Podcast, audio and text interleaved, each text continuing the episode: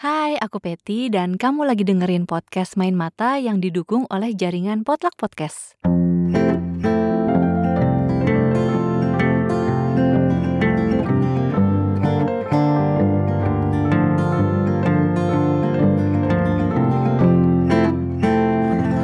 Podcast Main Mata adalah podcast buku yang ngebahas banyak hal seputar dunia perbukuan, seperti obrolan dengan para pelaku, mulai dari penulis, penerbit, editor, dan lainnya.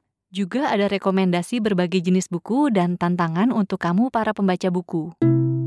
Halo teman-teman, kamu termasuk pembaca cerita pendek gak sih? Kalau aku sih iya banget. Sebenarnya aku gak inget sih pastinya kapan pertama kali suka bacain cerita pendek. Tapi dulu sih kayaknya dari zaman SMP SMA tuh suka bacain cerita pendek yang ada di majalah. Terus pas kuliah kayaknya sih mulai suka bacain buku yang isinya kumpulan cerpen. Waktu itu aku inget aku bacain buku kumpulan cerpennya di Lestari. Itu ada yang judulnya Recto Verso, terus juga Madre. Nah, dari situ tuh kayaknya keterusan sih bacain buku cerita pendek sampai sekarang. Beberapa buku kumpulan cerpen yang aku suka Misalnya nih, ada yang judulnya Bakat Menggonggong, ini ditulis oleh Dia Anugrah. Terus aku juga suka buku-bukunya Paman Yusi Avianto Pareanom, ada yang judulnya Rumah Kopi Singa Tertawa dan Muslihat Musang Emas. Oh iya, bukunya Mbak Reda Gaudiamo yang Nawila juga bagus.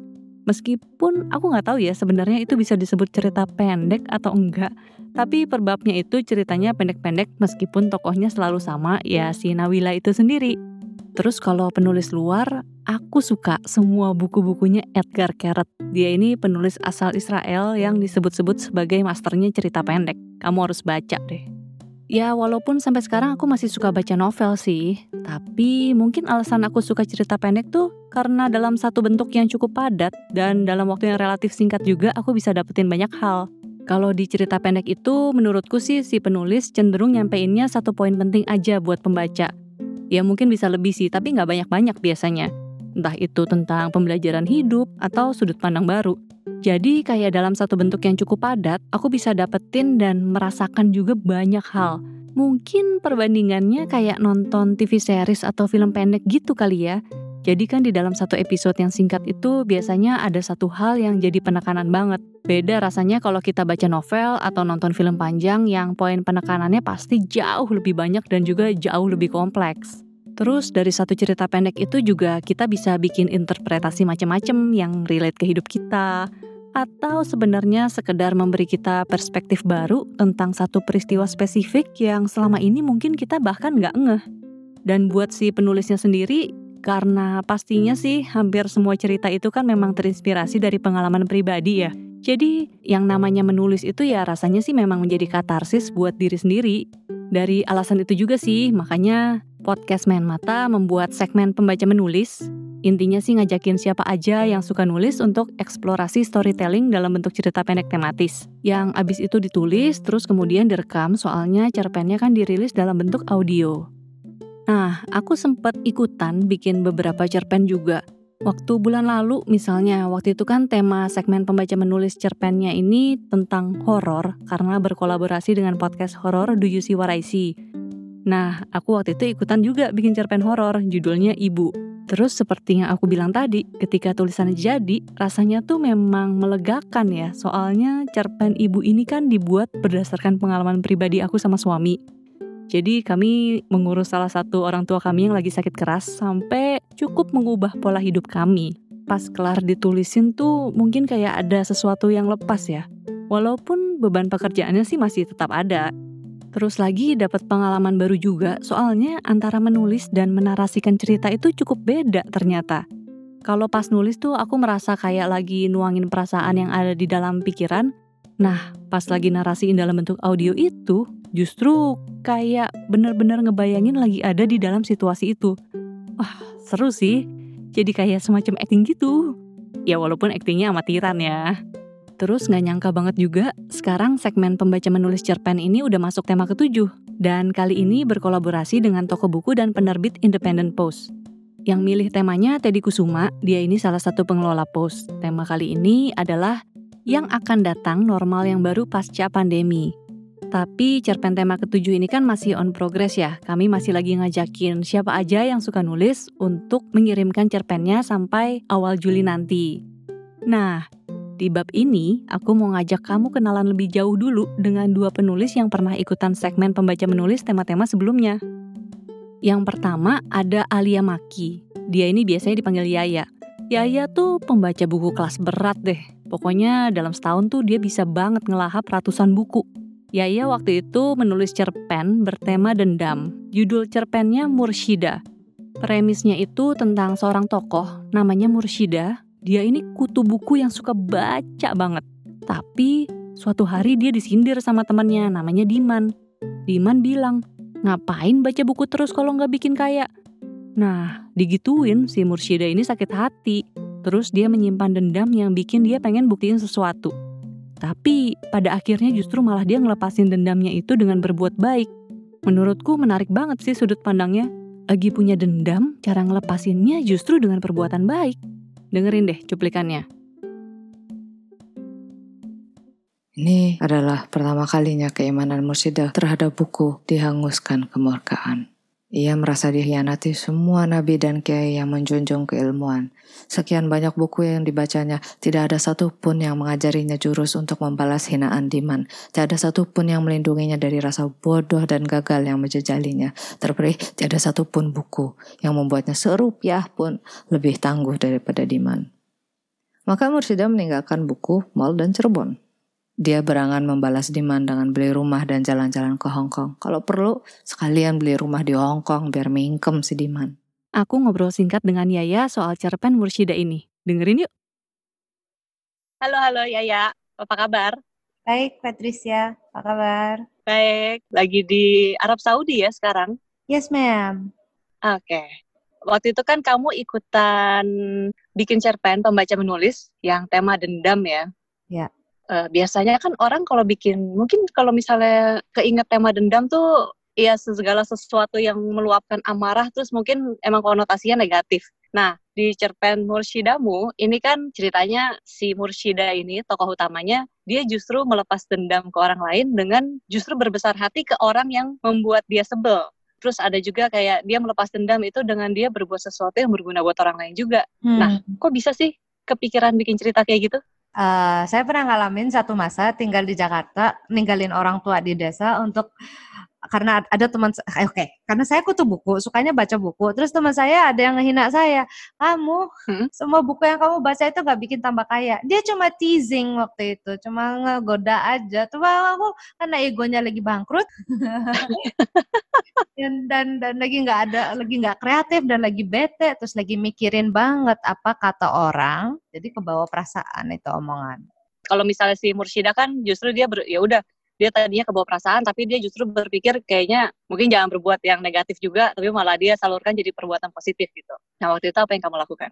Uh, saya cari kerja di Jakarta terus melakukan apa yang semua orang lakukan. You know, punya kerja, hmm. punya dawam bahasa Arab shift dari 9 to 5 melakukan hal yang sama sama yang dilakukan semua orang normal konotasinya mm -hmm. kayak begitu kan media sama mainstream bilangnya yang normal itu punya kerja dari 9 to 5, 9 to 5. Bukannya orang yang bisa bangun trek-trekan, you know. So I did that for seven months.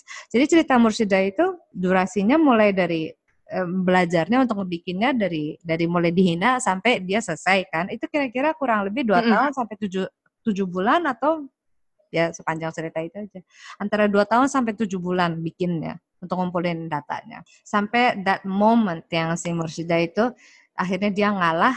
Ini perasaan lebih nggak enak daripada ngerasa dihina sama Munz sama di ngerasa dihina sama si Diman, gitu. Si Diman dia, tapi tapi ngelihat orang lain susah itu bukan hinaan buat dia, cuman rasanya tuh nggak enak banget.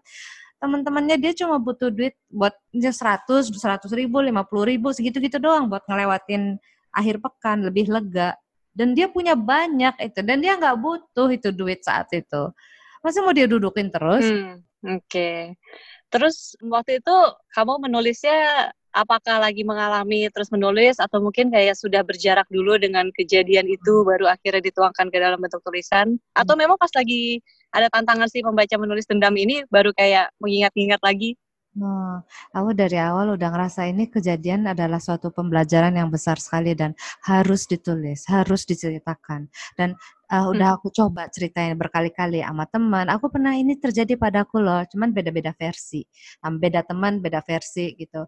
Baru dipadatkannya kayak begini dalam bentuk cerpen ya sama Mursida ini. Tapi emang udah harus sesuatu yang penting kayak gini rasanya emang harus didongengin ya, terus diceritain ulang. Jadi udah udah pernah saudara-saudara Oh. pernah dengar versi-versi lainnya. Versi live-nya, versi benerannya. Jadi nggak pakai nama Diman Mursida, pakainya nama uh, Muhammad Daud, pakai nama Munzir, pakai nama orang-orang benerannya yang ambil alih orang-orang yang ada perannya di cerita-cerita ini. Terus namanya bukan kantor Nusa dan Bangsa, nah asli-aslinya gitu. Dulu waktu Mbak kerja di kantor ini, ini, ini pengalamannya begini, begini, begini.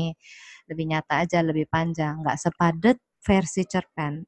Uh, kepentingan versi cerpen karena dia pendek dan harus podcast gitu kan harus 10 menit dan harus selesai ya untuk dibacakan ya harus dipadatkan Hmm. banyak-banyak creative editing dan creative editing itu terjadi tapi ya nggak apa-apa inti ceritanya core-nya yang yang yang berulang-ulang kau sebutkan itu tadi. Dia kan tadinya dendam dia kan tadinya marah kok jadinya berbuat baik? Itu dia yang penting. Dan itu dalam bentuk gaya apa pun tetap nyampe kan ke dirimu maupun ke orang-orang yang aku ceritain secara sambil lalu. Glad. Iya sih, pas baca tuh kayak apa ya, bukannya negatif terus kayak malah, wah ini ceritanya kok me- me- menyenangkan, dendam yang menyenangkan. Iya. Oke, ini kejadiannya kapan sih? Berapa tahun lalu mungkin masih ingat?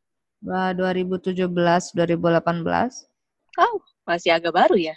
Ya, ada masa aku dan kau satu kota selama tujuh bulan. Berarti bisa nggak dibilang kalau misalnya mungkin ketika ini dituliskan dan ya mungkin disampaikan juga sebelumnya kan mungkin udah disampaikan secara verbal berarti ya sebelum cerpen ini terjadi. Ya. Itu apakah justru membuat hati juga jadi lebih lega ketika sudah disampaikan? Waktu ceritanya belum ending, belum mencapai kodanya, iya dia jadi beban. Waktu masih bawa-bawa dendam itu, iya dia jadi beban. Waktu rasanya belum ada satu orang pun yang didongengin, iya jadi beban. Mm-mm. Ya, itu berat. Tapi waktu mulai cerita, waktu nyoba cerita sepotong-sepotong, waktu nyoba uh, latihan nama cerita ini didongengin dalam bentuk jurnal atau tulisan atau kayak sepotong episode cuma se- sepetik-sepetik aja gitu. Terus semakin ringan, semakin ringan, semakin ringan. Dan ringannya tuh setiap kali dia makin ringan, leg- lebih lega lagi nafasnya. Lebih kayaknya tuh kayak kayak pahalanya nambah, kayak kayak rezekinya makin luas. Apa yang Mursida rasakan ya, dari dia melepaskan dendam itu, itu rasanya setiap kali aku ulang cerita itu, atau cukup sebagian dari cerita itu, atau buat buat ngehiburin diri sendiri gitu. Kalau misalnya gue lagi, aduh gue nggak punya kerjaan normal kayak orang biasa lagi, itu setiap kali itu diulang, ceritanya bikin Hmm. lega lagi, bikin happy lagi. I'm so grateful Hmm. dikasih Wahyu, dikasih Wangsi cerita ini karena setiap kali diulang tuh selalu rezekinya tuh nambah lagi buat aku. Rez- Rezeki efek efek bahagianya, efek leganya, efek you know all these positive sides of letting go sama beban-beban eh, mental lo itu. You know, mentalnya Mursida itu yang dendam, yang marah, yang dengki, yang rasa nggak percaya diri karena dia eh, nggak punya banyak duit kayak begitu. Terus setiap kali kita ulang cerita, ulang lagi cerita itu I'm better again. Itu rezeki yang baik sekali, you know. Banyak sekali orang Hmm. kenal punya duit banyak, punya makanan banyak, tapi nggak lega hatinya. Ya kan sedih sekali ya orang kayak begitu. Ah, oke. Oh, menarik juga ya. Jadi kayak setiap kali dilepasin, dilepasin meskipun ceritanya mungkin berulang, tapi justru juga bikin bikin kamunya malah makin lega juga kan. Dan Hmm. mungkin ketika ada banyak orang yang mungkin lebih seri, lebih banyak orang yang membaca atau mendengar, mungkin mereka juga mendapat selain mendapat hiburan juga mendapat sesuatu dari cerita Amin. itu mudah-mudahan. Amin. Mendongeng atau menulis, mengarang tuh is like a muscle. Kita nggak bisa nulis dari draft-draft pertama terus langsung jadi bagus, ya kan? Setiap kali Mm-mm. kita ngulang ceritanya, ini dari sesi kreatifnya ya. Setiap kali kita ngulang cerita itu, it gets better. Diulang, Hmm. diulang secara verbal, diulang secara menulis, terus diulang lagi secara eh, dibaca lagi sebagai podcast gitu. Itu setiap kali, setiap versi itu dia akan mengalami kayak penyulingan ulang, pembersih ulang, editan ulang, lebih bagus, lebih bagus, lebih bagus. It makes the story stronger. So, nanti kalau misalnya suatu saat kita bikin filmnya gitu, dia akan lebih kuat lagi, mestinya ya teorinya. karena setiap versi Hmm. mempertajamnya lagi lebih runcing lagi gitu. Kalau tadi itu cerita dari Yaya, sekarang aku mau ngajakin kamu kenalan sama satu penulis lagi, namanya Ida Umamah. Ida ini jurnalis yang juga punya podcast, isinya ngomongin tentang dating. Namanya I Think I Wanna Date You. Waktu itu Ida ikutan segmen pembaca menulis yang tema dendam, juga sama kayak Yaya. Judul cerpennya Berdamai dengan Biru. Ceritanya tentang seorang perempuan bernama Anggini, dia tuh nggak bisa berenang soalnya punya trauma dengan air laut. Tapi akhirnya dia mau ngelawan trauma itu dengan menghadapinya. Jadi dendamnya itu sebenarnya ke dendam diri sendiri atau ke masa lalu mungkin ya bisa dibilang begitu. Caranya gimana dia ngelawan traumanya? Ya dia pergi ke kolam renang dan latihan berenang. Aku rasa yang namanya trauma atau rasa takut pasti dialami oleh semua orang. Bedanya mungkin ada dari kita yang udah ngelewatin, terus ada yang masih berjuang nih menghadapi, atau ada yang masih belum bisa menghadapi. Lewat ceritanya Ida, aku merasa dia seperti mengajak kita untuk merasakan apa yang dia rasakan. Dan kalau kamu saat ini juga lagi punya trauma yang harus dihadapi, mungkin kamu bisa mengerti perasaan si tokoh Anggini dalam cerpen ini. Dengerin deh cuplikannya. Setelah beberapa detik, ingatanku melayang pada sebuah ombak ganas yang hampir mencelakai aku dan ibuku. 20 tahun lalu. Tubuhku basah kuyup di atas kapal yang terombang-ambing, tanpa pelampung dan tanpa pengaman apa pun. Kukira aku dan ibuku akan mati saat itu juga. Kami berdua tak bisa berenang. Pun bisa, kami di tengah laut, entah berapa lama bisa bertahan. Kulihat raut ibu yang tak tentu. Dia memintaku berdoa dan menyebut nama Tuhan. Ibu setengah menangis, dan aku tak tahu apa yang harus aku lakukan. Aku ingin sekali menyelamatkan ibu, tapi aku juga belum tentu bisa menyelamatkan diriku sendiri saat itu. Aku juga sempat ngobrol singkat dengan Ida soal cerpennya dia ini. Dengerin yuk. Hai hai Ida, apa kabar? Halo Peti, Alhamdulillah sehat. Jadi gue tuh pengen nanya tentang cerpen lo nih. Judul cerpen lo kan waktu itu berdamai dengan biru. Ceritanya kan tentang seorang perempuan dewasa dan dia nggak bisa berenang, terus juga punya trauma akan air laut ya. Dan dia memutuskan untuk overcome traumanya itu, kegelisahannya yang udah ternyata selama dua dekade. Dengan Hmm. dia mencoba untuk menyeburkan diri ke kolam renang dulu untuk mengatasi si ketakutannya itu. Mm-mm. Nah, latar belakang ceritanya itu gimana? Kalau soal latar belakang nulis cerpennya, kan kali pertama gue lihat di Instagram soal tulis cerpen tema dendam. Nah, terus gue pikir gue cari-cari siapa ya yang pernah gue dendamin atau orang lain atau temen gue atau siapa kayak mantan. Kok nggak ada? Kalaupun kalaupun ada, kalaupun punya dendam, sepertinya gue udah melupakannya dan udah nggak ingin gue ungkit lagi. Akhirnya gue flashback ke beberapa bulan lalu, kira-kira ada gak sih kejadian yang membuat gue sampai mungkin nangis atau kepikiran terus dan mengganggu hati gue? Ternyata ada sekitar akhir November tahun lalu atau awal Desember tahun lalu itu kejadiannya gue sempat belajar untuk berdamai dengan dendam gue bener ketakutan atas apa yang pernah terjadi di hidup gue dua dekade lalu. Gue pikir kayaknya gue bisa callback nih momen itu dan gue masih ingat betul kejadian waktu gue sekitar kelas 3 atau 4 SD gitu lah ya di pantai Pangandaran terus dalam keadaan di tengah laut terus kapalnya mati dan ada ombak gitu makanya oh kayaknya nih relate nih ketakutan yang masih gue pelihara dan masih bersarang dalam diri gue sampai sekarang. Terus sejak itu lo jadi takut dengan si laut ini sendiri ya? Iya, khususnya yang warnanya kebiru-biruan gitu kan. Yang berkaporit itu juga bau-bau kaporit kayak kolam renang itu juga entah mengapa sampai sekarang gue selalu agak sesak napas tapi ya nggak nggak heboh-heboh banget cuman kayak wah apa nih gitu Terus kalau diceritanya kan si perempuan ini kan namanya Anggini ya. dia kan akhirnya menuntaskan kegelisahannya dengan pergi ke kolam renang. Iya. Langsung dihadapi aja tuh ketakutannya itu. Mm-mm, bener. Nah, kalau lo gimana? Nah, sebetulnya, kebetulan gue tipikal orang yang kalau gue takut sesuatu, gue hadapi langsung sebenarnya. Nah, ini tuh menurut gue bisa gue taklukkan gitu. Gue harus bisa nih, nggak boleh kayak gini terus dan ya udah beli baju renang, beli kacamata renang minus dan segala macam udah prepare banget sampai ngajakin teman gue yang jago berenang untuk ngajarin gue. Ya udah akhirnya menceburkan diri ke kolam. Oke, terus gimana pas lo pertama kali nyeburin diri? Apa ya gue harus berdamai sama air di kolam terus teman gue bilang bahwa gue harus menikmati dan harus nyaman dulu sama air kolam baru kita Hmm. ke step berikutnya gitu oh oke jadi pas udah oh oke udah nyaman baru kayak tenggelamin kepala dulu ke kolam kayak gitu tuh beneran step by step Terus ketika lo nulis nih, Mm-mm. apa yang lo rasakan ketika mengalami kejadian di kolam renang? Terus Hmm. ketika lo menuliskannya, lo jadi lebih lega atau gimana?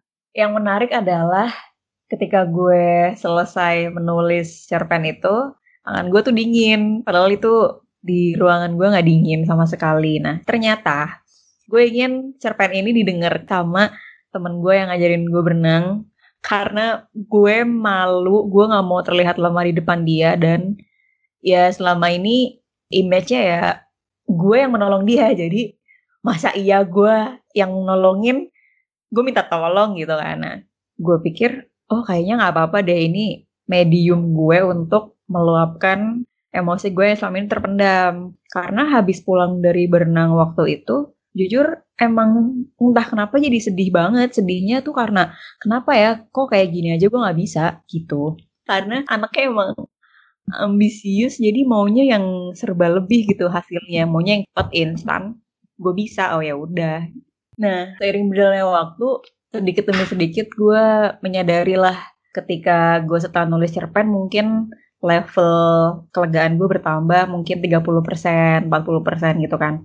Hmm. Lalu semakin ke sini, apalagi pas ketemu pandemi ya, jadi makin menyadarkan bahwa tiap orang tuh punya poin dan titiknya masing-masing loh. Jadi bukan salah diri sendiri, bukan salah siapa pun, dan sesuatu tidak untuk dikompetisikan gitu. Hmm. Kesadaran gue bertambah lah, meskipun belum sepenuhnya gitu ya, mungkin bertambah 60%, 70%, udah mulai berdamai bahwa lu tuh nggak apa-apa, nggak bisa berenang gitu. Nggak jago pun juga nggak apa-apa, nggak akan ada yang menghina-hina ataupun kalau ada yang ngejek atau ngecengin, ya udah jawab aja. Karena kan menurut gue kalau level keikhlasan dan level merelakan itu, kalau kita udah bisa menertawakan kekonyolan yang biasa kita perbuat itu kan, makanya gue bisa cerita kalau di tengah latihan itu gue sempat nangis, di tengah latihan itu gue merasa begini-begini-begini. Dulu setelah belajar, ketika ditanya gue bilang, oh iya oke kok, udah bisa ini, gue udah bisa ini gitu. Padahal dalam hati, ya elah kemarin juga ribet banget di dalam air, masih takut, masih panik gitu. Menarik juga tuh. Berarti mungkin ketika kita udah bisa nyeritain jelek-jeleknya dari peristiwa yang kita alami tuh salah satu tanda kali ya kayak kita udah mulai bisa menerima ya kita emang Iya. begitu Ya, sulit sih menerima kelemahan dan kekurangan diri sendiri ya. Asli asli Surprisingly nih, Pet, biasanya gue kalau rekaman monolog itu buat podcast, Mm. bisa sampai lima kali atau enam kali gue ulang. Dan yang Hmm. kemarin gue cuma dua kali ngulang. oh ya Iya, sepanjang itu padahal. luar biasa Emang ya, bagus sih the power Iya. of keberanian diri untuk mengungkap. Terima kasih ya udah dengerin bab kali ini. Silahkan kamu bisa cari cerpen-cerpen yang udah dirilis di podcast Main Mata di bab-bab sebelum ini. Kalau ada komen, saran, atau masukan, boleh yuk silahkan dikirimkan via DM atau mention di Instagram ke @patricia.wulandari atau @potlakpodcast. Kalau mau lewat Twitter juga bisa di @patipatigulipat atau ke @podcastpotluck. Dan kalau kamu menikmati konten yang kami sajikan, kami akan sangat berterima kasih sekali jika kamu mau merekomendasikan podcast Main Mata ke teman-teman kamu, khususnya mereka yang suka baca buku. jangan lupa follow podcast Main Mata di Spotify, terus beri dukungan juga ya buat jaringan Potluck Podcast dengan follow dan subscribe di SoundCloud, YouTube, dan lainnya.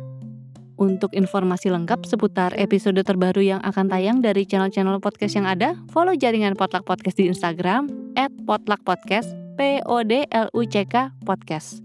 Segitu dulu. Dadah!